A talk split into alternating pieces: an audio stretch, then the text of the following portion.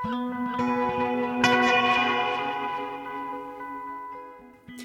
og sæl, ágættur hlustendur, Jóhannes Ólafsson og Halla Harðardóttir, heils ykkur úr hljóðstofu Viðsjár mánudaginn 8. mæ.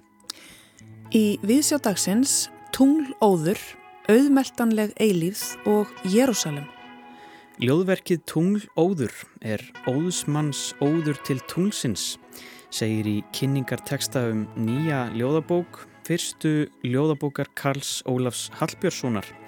Tungl óður. Haldið var upp á útgáfi bókarinnar á vinstúkunni tíu sópum nú á förstu dag. Karl Ólafur er heimsbyggjimentaður og innblásinn af skáldskap fornaldar, íslenskri náttúru og hann reynir gertnan að hafa brag á ljóðunum án þess að hafa hátt eins og hann kemst sjálfur að orði. Tungl óður hans er eins og nafnið gefið til kynna, óður til tungsins, þess eilífa yrkis efni. Þetta er óður til hverfulla tunglkvarfa tilfinningana og óður til hverstagslegu fegurðarinnar sem dvelur í náttúrunni og tungumálinu. Við ræðum allt þetta betur við Karl Ólaf Hallbjörnsson hér síðar í þættinu.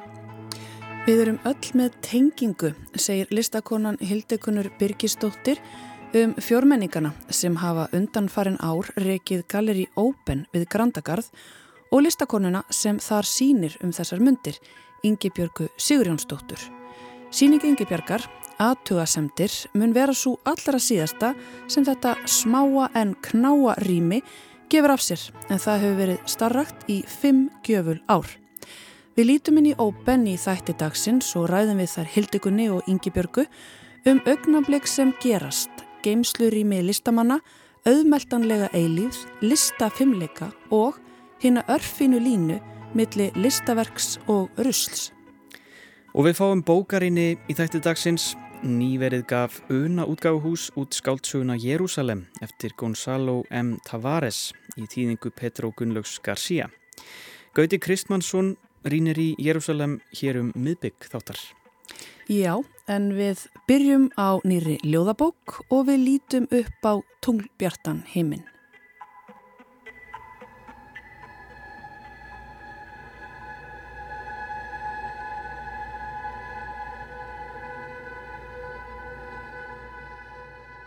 Hingað í Vísjá er komin góðu gestur, ljóðskáld Karl Ólafur Hallbjörnsson. Verður velkomin.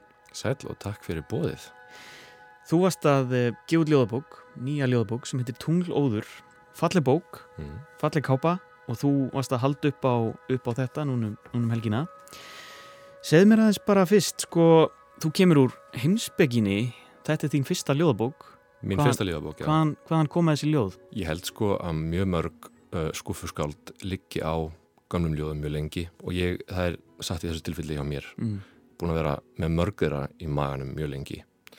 Uh, en sömur eru frekar ný. Já. en þau eru öll frekar fesk slípuð þá maður kannski segja það, árinni kom út. Akkurat, þó að efni sér kannski frá öllum tímum. Já, Já. það má heila segja það. En ég bara ákvaða að slá til og hendi í þetta. Er svona orðið þreytt að vera með þetta í bókinni en ekki búin að sína neinum. Mér fannst bara komin tíma á það. Takk úr skufunni eh, Er tunglið bara eilíft yrkisefni? Ég held það, Já. ég held það. Mér er tunglið bara, fyrir utan það, veist, það er svo fallegt. Maður getur gláft á það, alveg endalust. En síðan er líka bara svo mikil uh, góðafræði og svo mikil sagnaminni í kringum það nú þegar Já. að það er svolítið erfitt að sleppa tökunum að því. Ég. Ég spyrði kannski hans út í það á eftir, en má ég kannski bara byrja á smá uppleistri og að heyra eitt ljóð? Já. Þögn í öskju. Aðeins sá sem einskis leitar finnur heimsins hjarta slátt. Þegjandin yrkir orðalauðs á tíndri Babels tungu, sussu bí og korri ró. Árum róum um óróa vötn, undir öldu ómar djúb. Myrkur missis, gleipir mar, glittir í auga undir báru, sussu bí og korri ró.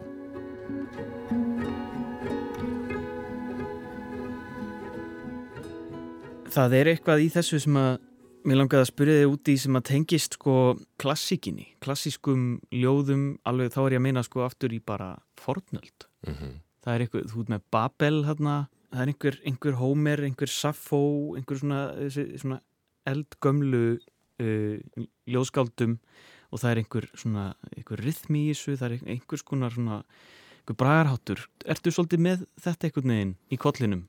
Það sem ég er svolítið mikið að vinna með er að reyna að hafa brag án þess að hafa hátt ég veit ekki alveg hvernig ég get útskipta betur Já. en mér finnst að það þurfa að vera einhvers konar rinjandi eða eitthvað svona það þarf að rúla vel á tungunni til þess að mér líði vel með það Nei, þau eru ekki öll þannig Mm -hmm. sem eru svona aðeins meiri jókursljóð eins og Sigur Pálsson talaði um stundum Já.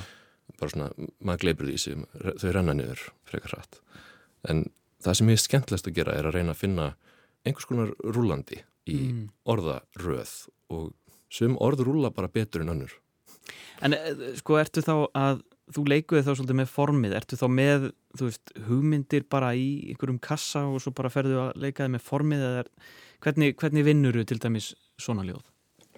Já, það er alltaf góð spurning. Ég yfirleitt legg upp bara með einhverja hugmynd eða pælingu. eins og hérna er ég alltaf að tala um þögn og hugleðslu líka Mm -hmm. og einhvern veginn hvernig maður getur, hvernig stærsta merkingin er oft í þögninni og í því sem er ekki hægt að segja. Ég legg bara upp með það og ég skrifa bara eitthvað upp. Og síðan bara tálkaði það rosalega lengi. Og ég Mm. ligg bara yfir því. Og ef eitthvað hljómar skemmtilega þá held ég henni eða ég hendi því út. Og það bara tekur ofta rosalega langan tíma. Mm. en ég gleym mér alveg í því. Og það er það sem er skemmtilegast. Sko ég fekk á tilfinninguna að, að þú væri með svona eilíf yrkisefni, svona stór uh, hérna, það er svona bara einhvern veginn uh, veruleikin og eilíðin og svona, svona orð sem að bara svona gleipa mann.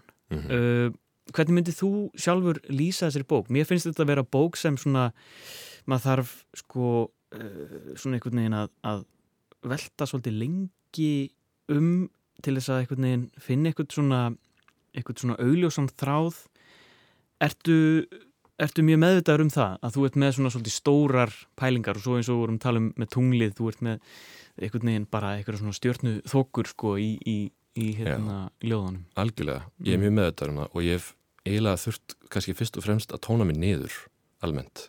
Uh, þegar ég er búin með fyrstu draug er það yfirleitt allt og tyrfið og þegar ég síni fólki þá er það bara ekkert mjög skilanlegt mm. þannig að ég hef, hefur mikil æfingi að tóna það niður. En síðan finnst mér það samt vera það skemmtilegasta. Þannig að þetta er svona jafnvægislist að gera þetta aðgengilegt og skilanlegt á þess að fórna því sem mér finnst skemmtilegt. Þannig að ég er kannski að vinna með alltaf þung eða stór hugtök oft. Finnst þér ekkert erfitt að nota þau? Eða svona veist, finnst þér þetta svona, þetta rennu bara einhvern veginn? Já. að, tala um svona risa, risa fyrirbæri svona abstrakt fyrirbæri. Mm, yfirleitt sko. Bara vegna þess að jafnvel dótt þetta verðist vera rosalega stór hugtök þá er þetta samt eitthvað sem við notum frá deildags yfirleitt. Mm. við erum að hugsa um hvað er endanlegt og hvað er óendanlegt. Við erum að hugsa um hvað er lifandi og hvað er dáið og við erum að hugsa um hvað er glemt og hvað við munum. Það er rosalega margt sko. Mm.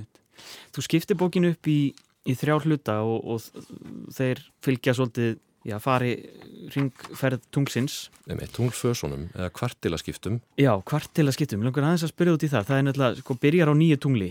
Uh, eins og bara já, allt, allt byrjar einhvern veginn á nulli Mm. uh, það er tabula rasa og svo, svo ertu komið með segðina og svo er, svo er fulla tunglið. Mm -hmm.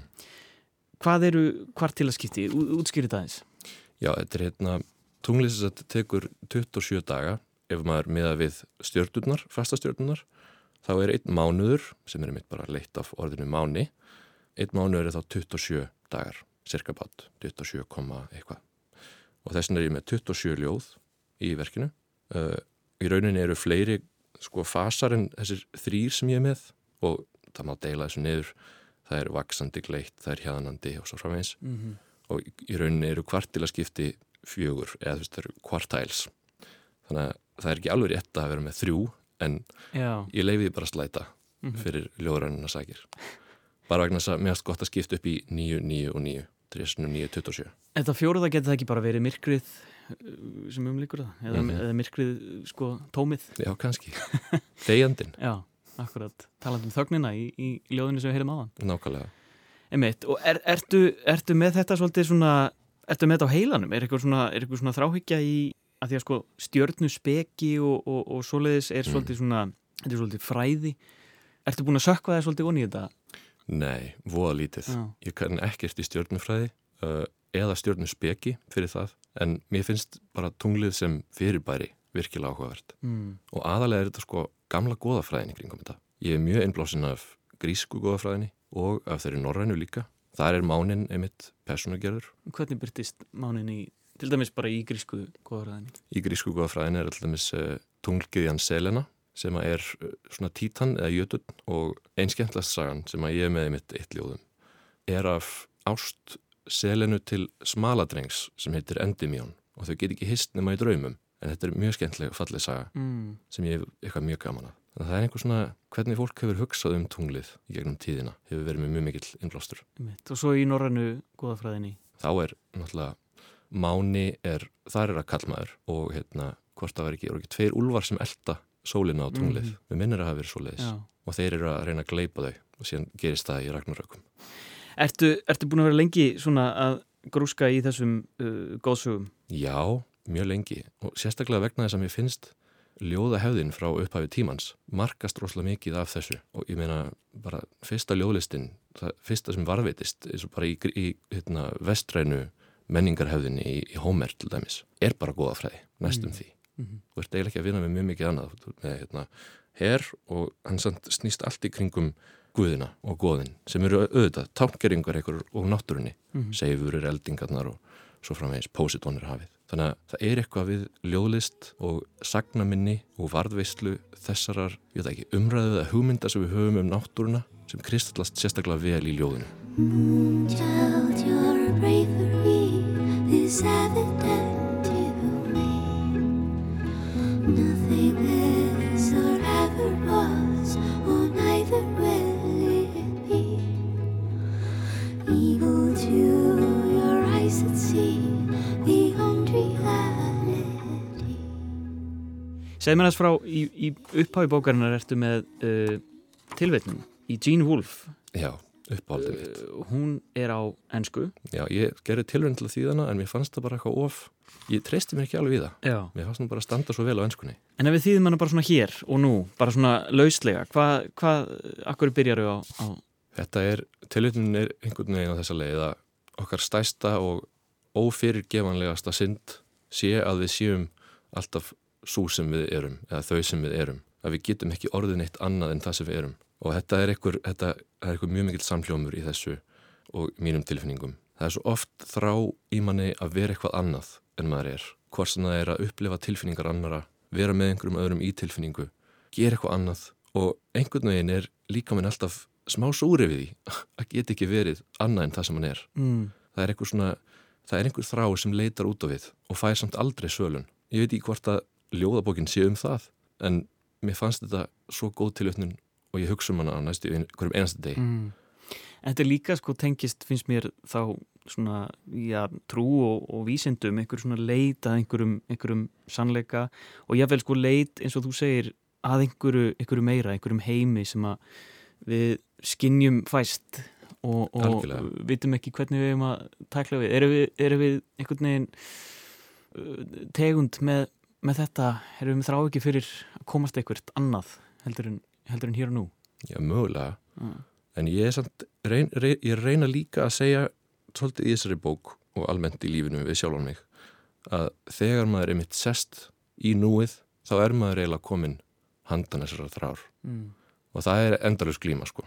En einmitt þess vegna er líka gott að hugsa um já, gömlu tekstana og trúarbröðin og heimsbyggina og reyna einhvern veginn að komast í tæri við það sem fólk er reyna að nálgast og grípa í gegnum söguna, í gegnum tíman. Kemst þú einhvern veginn nærri þessu með, með því að yrkja sjálfur? Já, 100%. Mm. Mér finnst, það er, einhver, það er einhvers konar form af hugleyslu að yrkja fyrir mér. Mm. Uh, bara að liggja í tekstanum og reyna að finna þessa rúlandi eins og ég var að minnast á aðan. Reyna að finna hvernig allt flæðir. Mm. Brag á þess að hafa hátt. Já, Hvernig finnst þér sko, nú kemur þú úr, úr uh, heimsbygginni, mm. er þetta, er ekki svolítið opin hurð þarna á milli jú, úr heimsbygginni? algjörlega og einn af mínum uppáhalds Nietzsche er næstum því ljóðskaldaköplum. Ég veit ekki, það er svolítið erfitt að setja puttan á það hvar hann er, en bara eins og Sarthústra er eiginlega bara ljóðabók. Ef hún er ekki sjálfsjálfabók, ég veit ekki alveg hvar ég myndi setja hana. Mm kannski bæðu og en ég menna, sömt sem hann er að segja er bara tærast á ljóðlist og eins og kátu vísindin eftir hann byrja á bara litlum ljóðabálki sem heitir hvað er hérna gleðiljóð, hérna, prins frjálsis og fuglin eða eitthvað leys mm. og síðan fyrir hann bara í hinsbyggina beint eftir það. Þannig að mér finnst vera klálega opinhörðan á milli. Eru við einhvern veginn gjörn á að sko, flokka heimsbygginga of einfallega? Eða þú veist, svona einhvern veginn setja það svolítið öll saman í eitt hólf? Mögulega, en síðan hefur líka bara orðið svo mikil breyting á hlutverki hinsbyggingsins síðustu 100-200 árum Mm -hmm. eftir að bara þessi stopnun sem við tekjum í dag sem akademíuna hefur orðið til. Heimsbyggingurinn er næstuði orðið, þú veist, já hann er orðin fræðimæður frekar en heimsbyggingur, ofta köplum finnst maður. Ég meina við sjáum hérna, þessa gamlu meistara, þeir voru ekkert að einangra sig við neitt eitt og þeir voru ekki að vísa í heimildri endilega eða neitt svoleiðis. Mm. En þetta er, þetta er samt það sem við lesum í háskólanum og erum að pæli í heimsbygginni sem slíkri. Mm. Án þess að við yfkum heimsbyggina á sama hátt sem er alltaf alltaf fröndlegt. Já. Og þú segir eins og, sko, eins og Nietzsche er svona hálfpartin ljóðskáld, þú sér svolítið ljóð í bara þessum gömlu heimsbyggi tekstum. Já, klálega. Já. Og sömur þeirra eru bókstæli ljóð. eins og Parmenides, hans svona, við eigum náttúrulega bara brott eins og í Safo, en hans svona, það eina sem við eigum eftir hann er, hvað heitir það, bara um veruna eða eitthvað svo leiðis. En það er bara bókstælega ljóð. Það sem að uh, giðja sannleikans er að segja honum að ekkert breytist og að veran sé og að ekkertið sé ekki til. Og það er bara í ljóðformi. Er því að það er eitthvað í bragarhættinum eða í, ég veit það ekki, eitthvað sem hvetur til varðvislu og minnis eða eitthvað, ég, kann ekki alveg setja puttan á það. Já. En það er eitthvað aðlandi við að hafa það í svona sérstökum texta. Hann er ekki bara að segja það beint út. Hann finnur einhverja kvöld til þess að setja það í einhvern búning.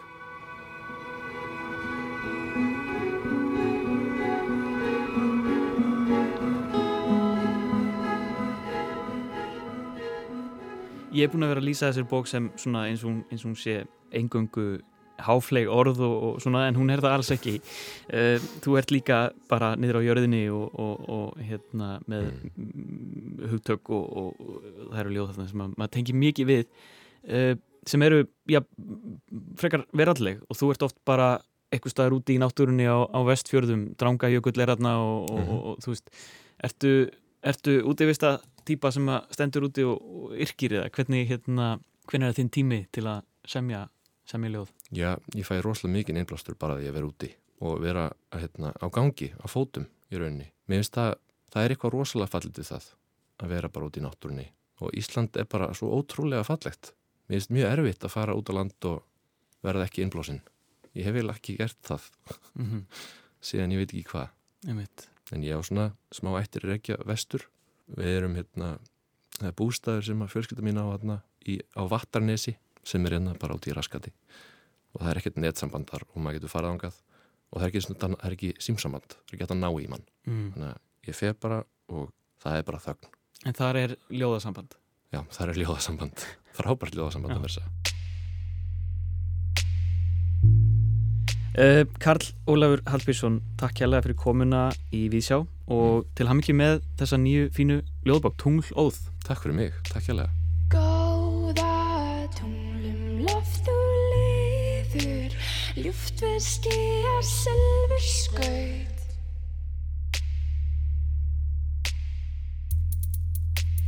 Eins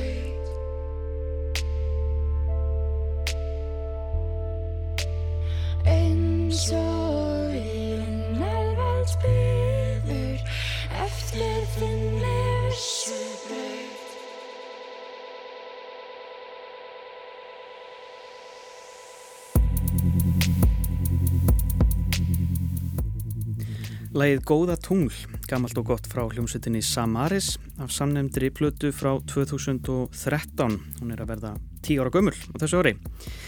Á meðal hljómsveitameðlema í Samaris er Jófríður Ágadóttir, einnig þekkt sem JFDR, sem var að gefa út nýja plötu Museum og þar er einmitt lag sem kallast Sideways Moon. Tunglið er greinlega aldrei langt undan.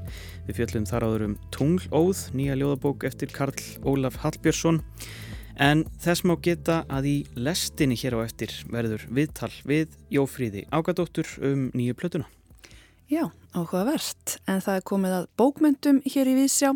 Nýverið gaf Una útgafuhús út skáldsöguna Jérúsalem eftir Gonzalo M. Tavares í þýðingu Petro Gunnlaugs García. Gauti Kristmansson tekur nú við. Oft er sagt að það sem gerir okkur mannfólkið frábröði dýrunum sé óttin við dauðan. Vittniskenum dauðan sem sjá megi í dauðaritúalum sem framfara í öllum menningarheimum allt aftur til frumanna. Grafur og kuml af ímsu tægi eru stundum það eina sem eftir lifir af þessum menningarheimum og fordleifafræðingar reyna að tólka þá út frá þeim fátæklugu en um leið merkingaríku gögnum. En er það svo? Getur verið að þessi óttin við lífið sem gerur okkur frábröðin dýrunum, óttin við lífið sem rekur okkur áfram og gerir það að lokum að verkum að verum fær um að fremja ódæðisverk, að drepa aðra af okkar tegund og það jafnvel í massavís. Mér finnst þetta að vera einn spurningin sem í mér situr eftir lestur þessara mikilvæga bókar sem okkur hefur borist nú beint úr portugalsku í þýðingu Petros Gunnlaugs Garcia. Þessi ofinlega saga sem vissulega hefur skýran söguþráð þrátt fyrir postmodernísk tök á framvindunni, hún er algjörlega ólínuleg og fer fram og aftur í tíma sögupersonuna en hverfist samt um eina nótt í lífið þeirra, örlega nótt sem á endanum tengir þær saman. Hér er gífulega vel unnið í forminu, frásagnatöf og spenna byggðu upp af feikilegri færni og kunnáttu. Það sem á yfirborðinu verist jafn rugglingslegt og hugsanarflæð okkar sjálfra er á endanum saga þar sem engir lausir þræðir eru eftir að lestri loknum.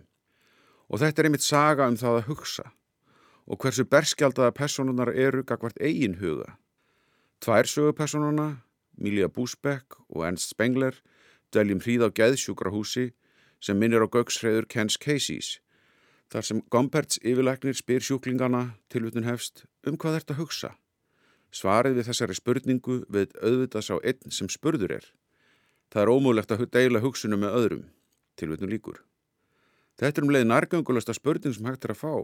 Engin vil svara henni, því ég vissum að svarið við henni frá okkur öllum sé svæstnara en nokkuð það sem sést hefur á prenti eða samfélagsmiðli. Að vísu virðast samfélagsmiðlar stundum byrta það sem sumt fólk hugsaður ósjálfrátt, en það er sjálfnast kræsilegt. Einmaður Míliu, Theodor Búsbekk, er læknir og vísindamaður sem vinnur að fræðilegu stórverki um sögur hryllingsins í mannlegu samfélagi, þar sem hann hyggst skrásetja sögur hryllings og ódæðisverka manna til að finna formúlu um hvort þau séu óhjákvæmileg, hvort þau endur takja sig að eilífu og mannkynnið sé með arfbera eigin eigðingar í sér. Hann ætlar að setja þetta fram í formúlu og línuriti og skráð þannig sögu hryllingsins hjá mannkinu öllu. Verkefni þetta vinkar til sögu Ósvald Spenglers um hnignun Vesturlanda þótt ættanarfni sé sett á aðra sögupersonu sem ekki skrifa neitt nema símanúmerið sitt. Þetta er aðeins eitt dæmi mikil og vísvitandi textatengsl þessarar bókar eins og Francesca Cricelli segir í áhugaverðum eftirmála til vitun hefst. Við lestur á Jérúsalem finnur lesandin vel fyrir áhrifum höfunda sem Tavares hlýtur að hafa lesið því aðalatriðin í verkum þeirra verðast sínilegi tekstanum.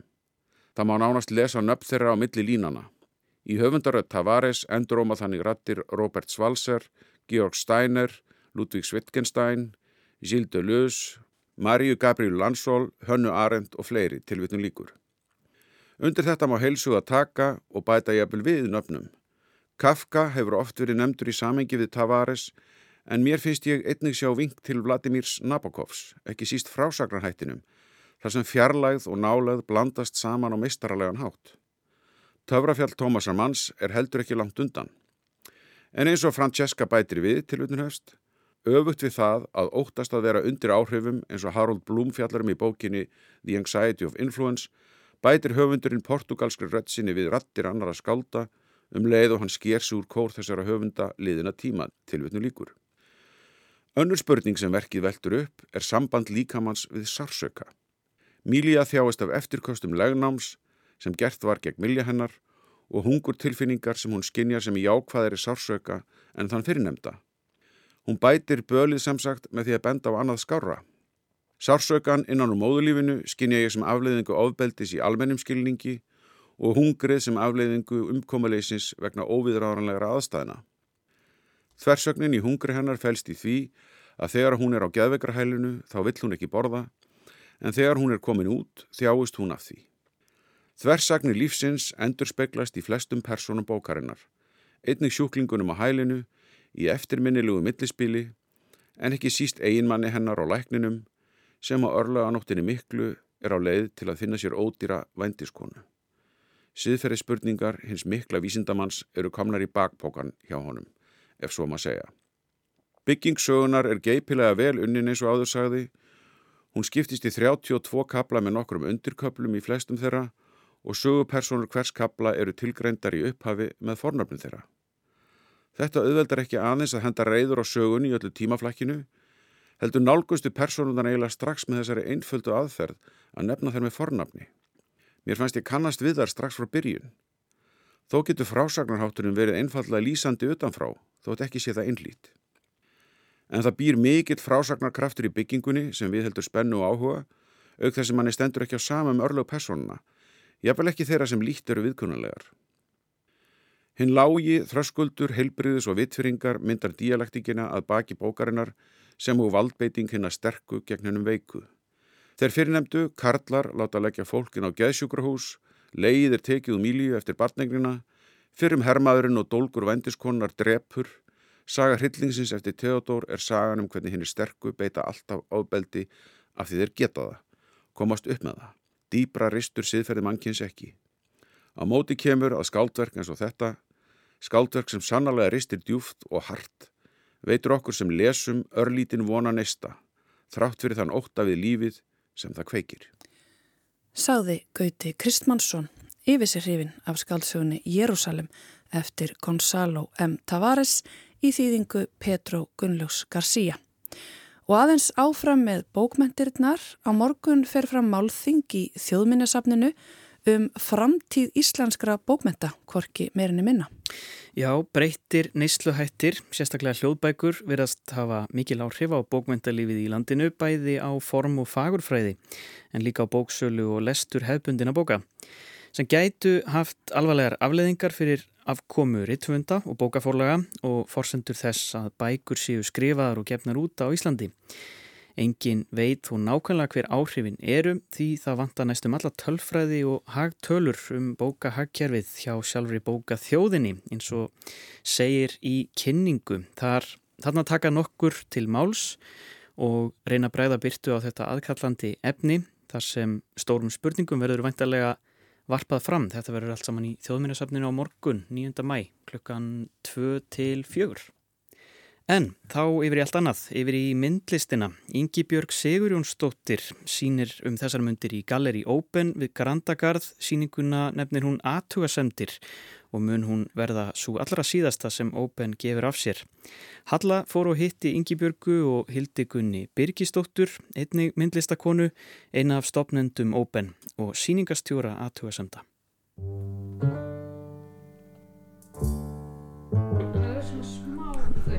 Smá eins og ég, ég hef gert hann Ég gerði þetta sko bara þegar ég var nýjútskrifuð úr listaskólanum eða í skólanum mögulega ennþá.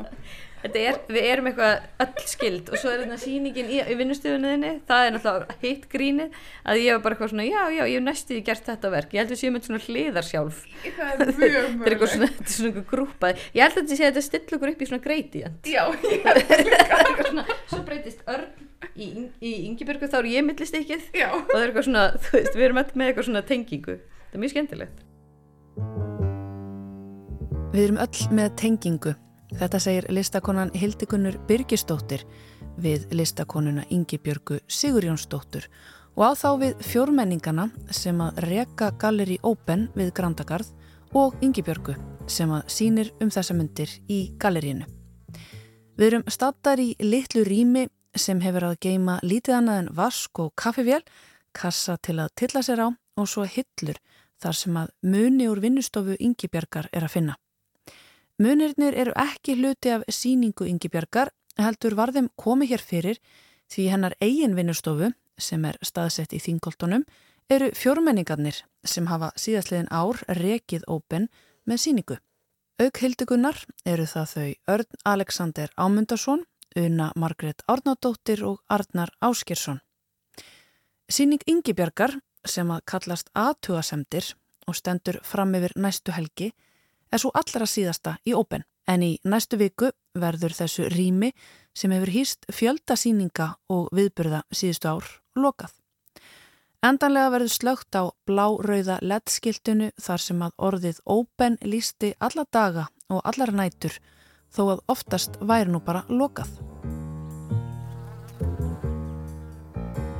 Það er Hildegunur og Yngibjörg handleika hinna ymsumuni úr færanlegri vinnustofu Yngibjörgar meðal annars pappamót frá 2012 sem hefur nýst við gerð þessarar síningar og útklift postkort vekja mikla kátinu og við veltum því fyrir okkur hvort að stór hluti af starfi listamannsins felist ekki einmitt í þessu að færa til dót, geima, flokka og handfjalla finn ekki bara rými til að sína í heldur líka til að geima í Já, það er að dröslast með drasl, það er það sem við gerum aðalega, það er svona meiri hluti vinnunar og svo, svo kristillu við einhver augnablík millir þess að við flytjum hluti og, og, og köllum það síningar Við færum okkur yfir í stóra alrýmið sem er hvítmálað og bjart.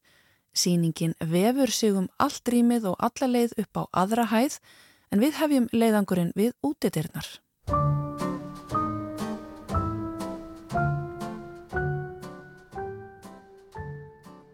Já, sko þessi síning, uh, hún er mjög bundin stað og samhengi. Uh, hún er uh, mjög innblásinn af starfsemi Open og er í rauninu að mörguleiti svona óður til starfsinn sem þau hafa unnið og í stærra samhengi bara þessar listamanna reknu frumkvæða sem eru svo dýrmætt fyrir myndlistasennu yfir höfuð og sem bara þau hafa gert svo óbúslega fallega undan farin ár hér og þannig að síningin er, er óður til þess en svo er hún líka mjög mikið að takast á við rýmið og staðsetninguna sem að hér er að þetta er mjög einkernandi og fallegt eh, rými sem er hérna uh, sem getur margt og kann margt og það þarf að svona snúa á það og draga það fram. Og fyrsta verki þegar maður kemur hérna að Grandagarði 27 sem oftast er lokaða og þótt að rými heiti open og það blikki ljósaskilti sem að gefa þetta kynna hér sér opið þá er oftast lokað því oftast er þetta náttúrulega vinnustofa. Og, og það er þessi harlæsta hörð og, og snar lokaða bílskúrshörð og en núna er opið og maður gengur fram í hörðin sem stendur á 27 og þá blasir við manni, eða kannski blasir ekki beint við en þá glittir í e, svona útskorið í vekkin e, stafirni 24 sem ég er svo búin að silfra.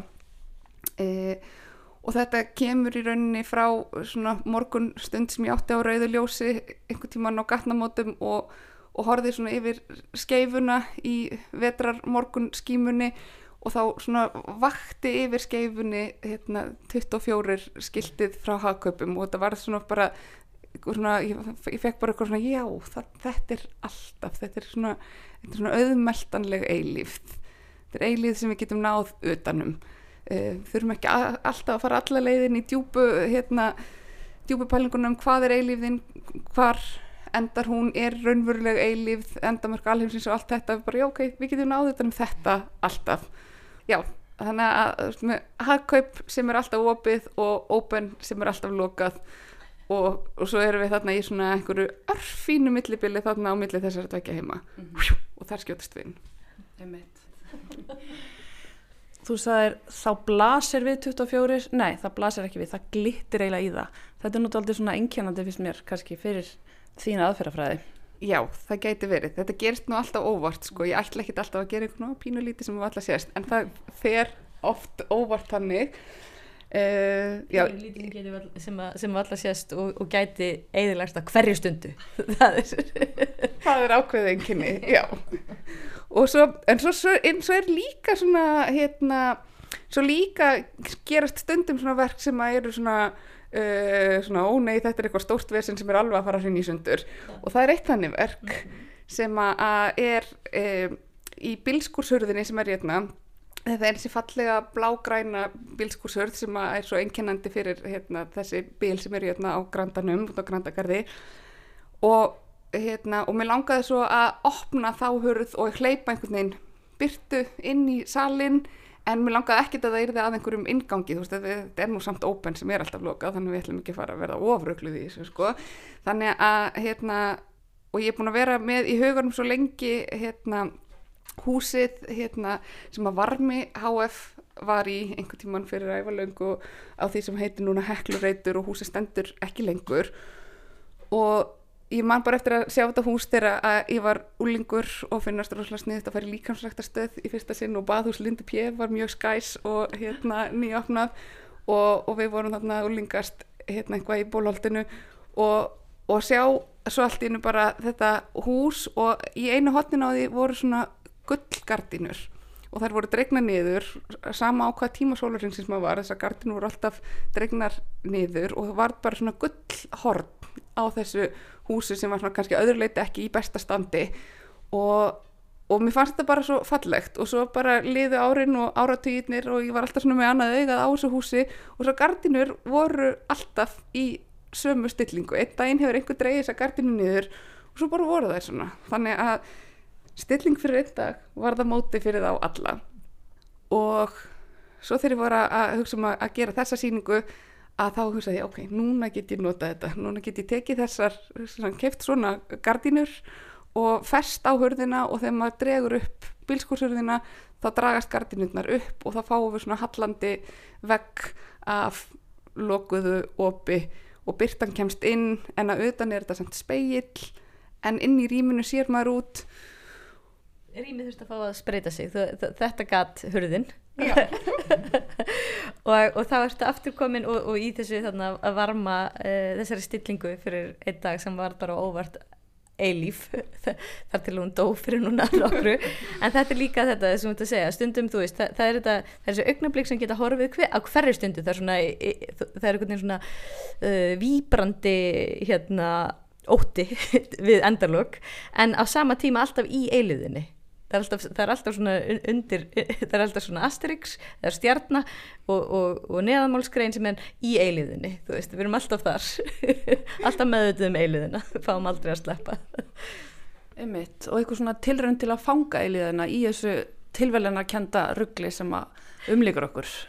Já, eða allavega að benda á hana Já, einmitt. og, og, og það er einhvern veginn svona hlutir og þú veist og, og hvernig, hvernig maður verður var við í efnum hvernig tíminn þeitist fram hjá okkur einhvern veginn og, og það er bara einhver svona líðandi sem að, hefur áhrif á efnin í kringum okkur og allt í hennu ummyndast eitthvað og svo getur hérna, einhver listamanns típa séð þetta og verið, heyrðu, þetta gerðist.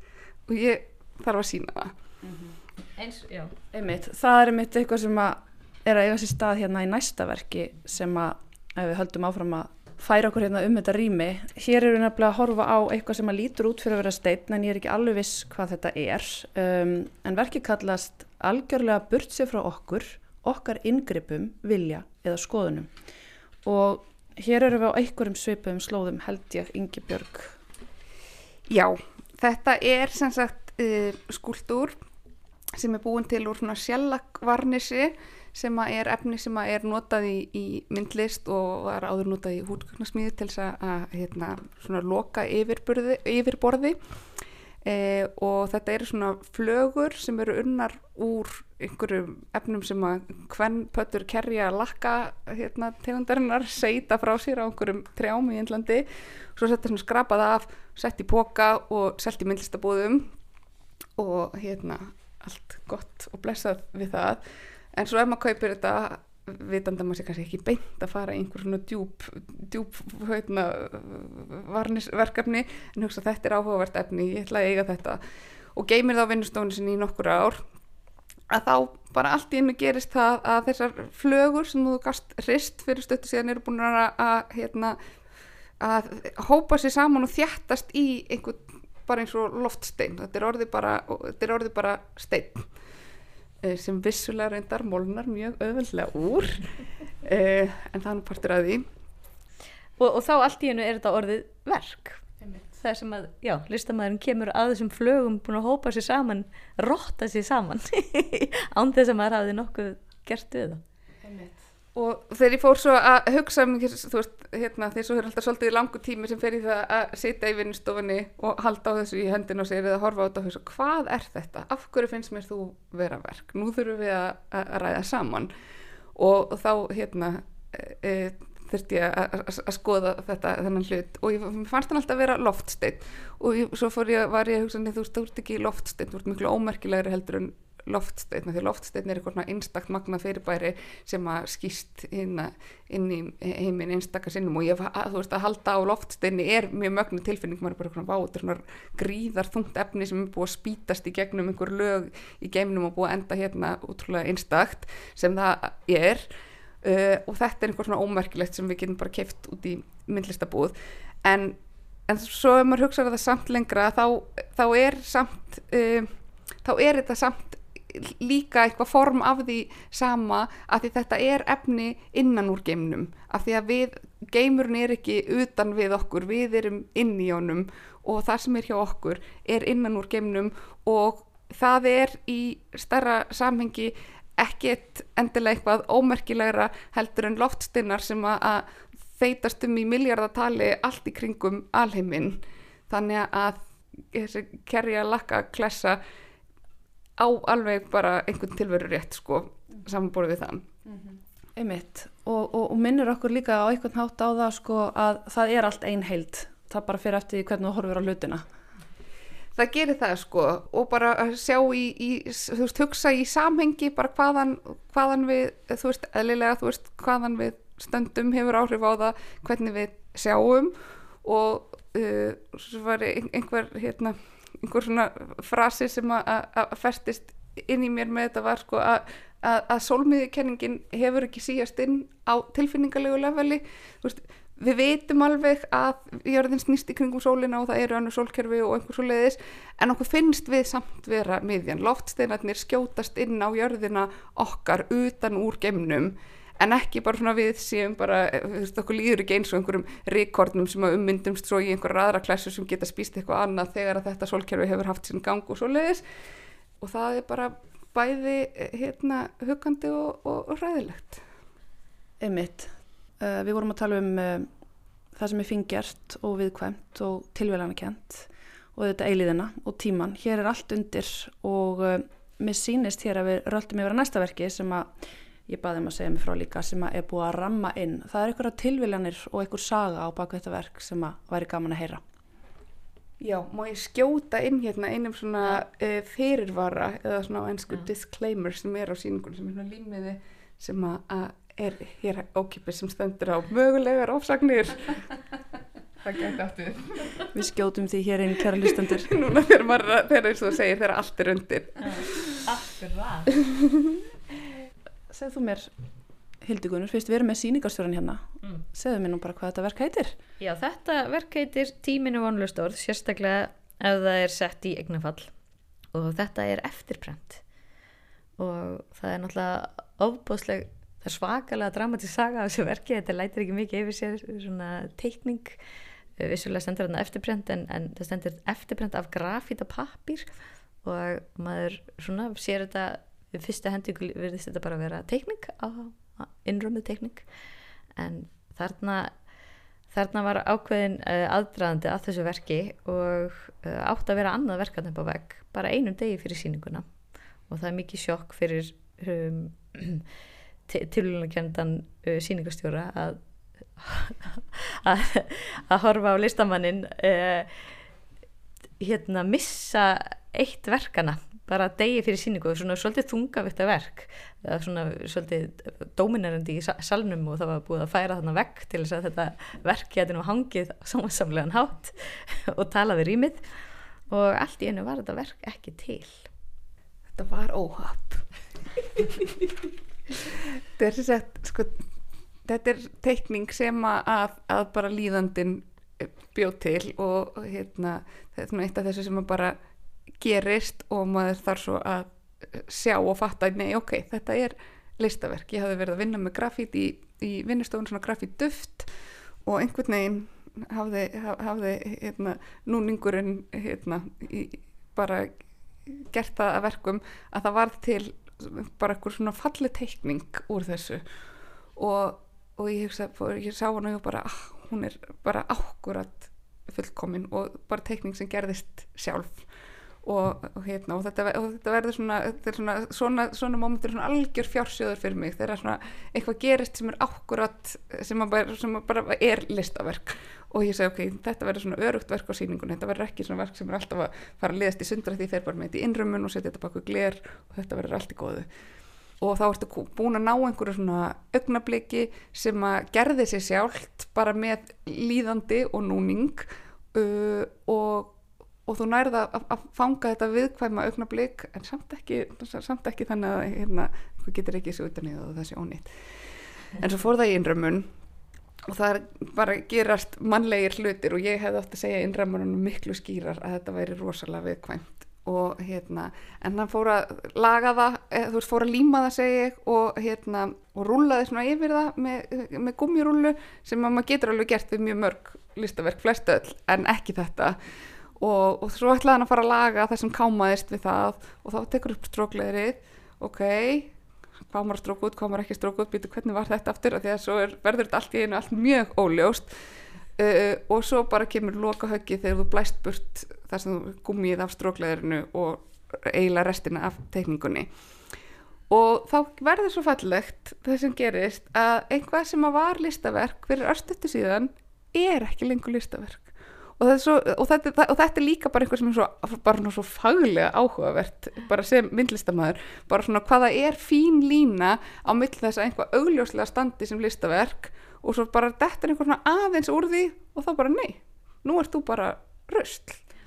Einmitt, en, en hugsuðu þið ekki sem svo að þarna væri bara komin önnur vitt og, og, og að listaverki væri búið að þróast áfram á okkur tilvíðlega kjöndan hátt? Jú, þetta var einmitt svona eitthvað augnablík það sem að sko hérna konseptið eða hugmyndalistin mætti þarna einhverju hérna e, fagafræðin eiginlega mm og, og við, við fundum að það er lína.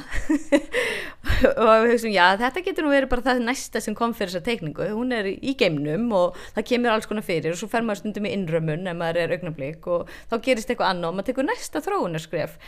En, en, en þá bara það skref fól í sér að þá var það ekki lengur list. Að því að það var ekki þessi ballans og spennan sem bjó í verkinu. Það er svona mjög áhugaverð konstruksjón í þessari teikningu. Það er eitthvað svona flýting, svolítið svona reyfing og svo eitthvað sem er mjög stað, staðbundið og, og svona örugt þessi tvö element eru þarna. Og þetta flýting var horfið og allt í hennu var Ingeberg bara búin að gera listaverk eða búin að framkalla listaverk uh, með sínum gjörðum sem að var í raun og voru bara að segja stöðuleiki en ekki neitt annað. Og þá er þetta ekki lengur listaverk. Og þá þurftum við virkilega að nota uh, uh, listafimleika. Það, það, það sem þetta maður nota. Við að nota heilan okkar og líkamann og finna upp bara hvar er listaverkið, hvar er það núna?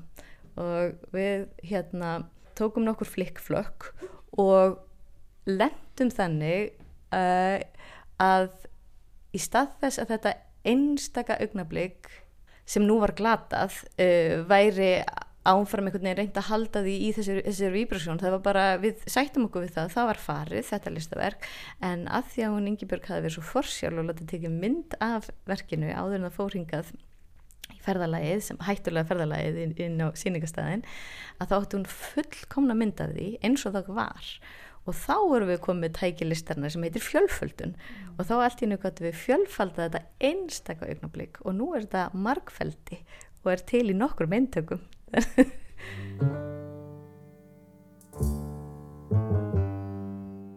Áhugaverðir list fimmleikar sem áttu sér stað í Open og gáfu af sér markfeldi sem kallast Tímin er vonlust orð, sérstaklega ef það er sett í eignarfall. Eitt af þeim verkum sem leynast um allt galerið er vel er að gáð því að þau blas ekki alltaf við verkin hennar Yngibjörgar Sigurjónsdóttur. Við ljúkum þessari heimsókn á því að heyra af eina myndbandsverkinu á síningunni en í því sjáum við hlut falla af efri hæð og niður á þá neðri. Já, yfirleitt hefur hafa ekki verið síningar uppi því þar sem hefur bara verið kaffestofa open og, og, og dót Uh, en núna langaði mig að, að, að, hérna, að horfast í augvið það að hér eru tvær hæðir og, og, og, og virkja það samspil þarna á milli. Þannig að það fellur hérna niður gamalt svona þerri pappir svona mettaður af vaslitum sem er bara svona eitt augnablík sem að gerðist og er búið og heitir sem sagt Open Fall. Og er bara hérna þetta fall í Open. Þetta er viðeigandi, Hildigunnur. Já, já, við, við höfum fallið, við erum búin að missa rýmið okkar og, og þess vegna sem gerir þessa síningu sko, að þessum kristall út af því að Ingeborg getur sínt allstaðar. Við þurftum að tæma yfir í geimslur.is, þetta er orðið einhvern veginn furðulega Uh, eitthvað spjallum uh, auglýsingur geimslu.is en við erum þar sæl með hillur en vitum ekki hver framtíðin er. Og þess vegna var það ennþá meira kærkomið að Yngibjörg skildi sko að því að við vorum búin að tæma vinnustofun okkar að þá bauðun okkur að, að sína á vinnustofunni sinni sem gerir það náttúrulega líka verkum að hún þurft að tæma vinnustofunu sína inn í okkar vinnustofu. Þannig að við þurfum vissulega að tæma þetta þegar við síðan ætlum að skila rýminu þegar að síningu Yngibjörg líkur en síningin okkar uh, var svona eins og einhver uh, viðbót eins og, eins og svona fraktall út frá þessari síningu og hún opnaði þess að helgina eftir að Ingeborg opnaði sína síningu og þetta var því mesta yfirsettu vandamál. Og svo síning heitir afleiðingar Já. og á henni er þess að bara hún er uppfull af nýjum frábærum verkum eftir Hildegunni, Arnar, Unnu og Örn og ég bara hvet fólk eindrið til að koma og skoða hana því þetta, þetta, þessi síning var til svona ótrúlega leikandi en það var bara til fullt af frábærum nýjum verkum. Og þannig að þetta er, var bara, ég má segja þetta því að þetta er ekki mér síning sko, þannig að þetta var bara æðislega síning þannig að, já. Það sama má segja um þessa síningu hér í Open. Takk innilega fyrir spjallið Ingi Björg og Hildikunnur og uh, gangi eitthvað vel á, í óvissunni sem er framöndan Takk, takk, takk að kærlega fyrir Halla rætti hér við Ingi Björgu Sigurjónsdóttur og Hildegunni Birgisdóttur um síningu Ingi Björgar aðtögasemdir sem nú stendur yfir í Galleri Open og síningu sem fer fram í vinnustofu Ingi Björgar afleðingar þar sem stopnendur Open sína nýverk. Opið er í Open Grandagarði 27 á förstu daginn og svo á báðum síningum Open á vinnustofu Ungibjörgar á 5. hæð á klappastíð 25 til 27 lögadag og sunnudag frá 1 til 5 Já, þá eru allar þær upplýsingar komnar á framfæri mm -hmm. og við ætlum að enda þáttinn hér í dag við eh, tökum þessar vangaveltur um eh, tunglið Jérúsalem og auðmeltanlega eilíð meðal annars með okkur inn í þetta síðdegi. Takk fyrir samfélgina í dag og verið sæl.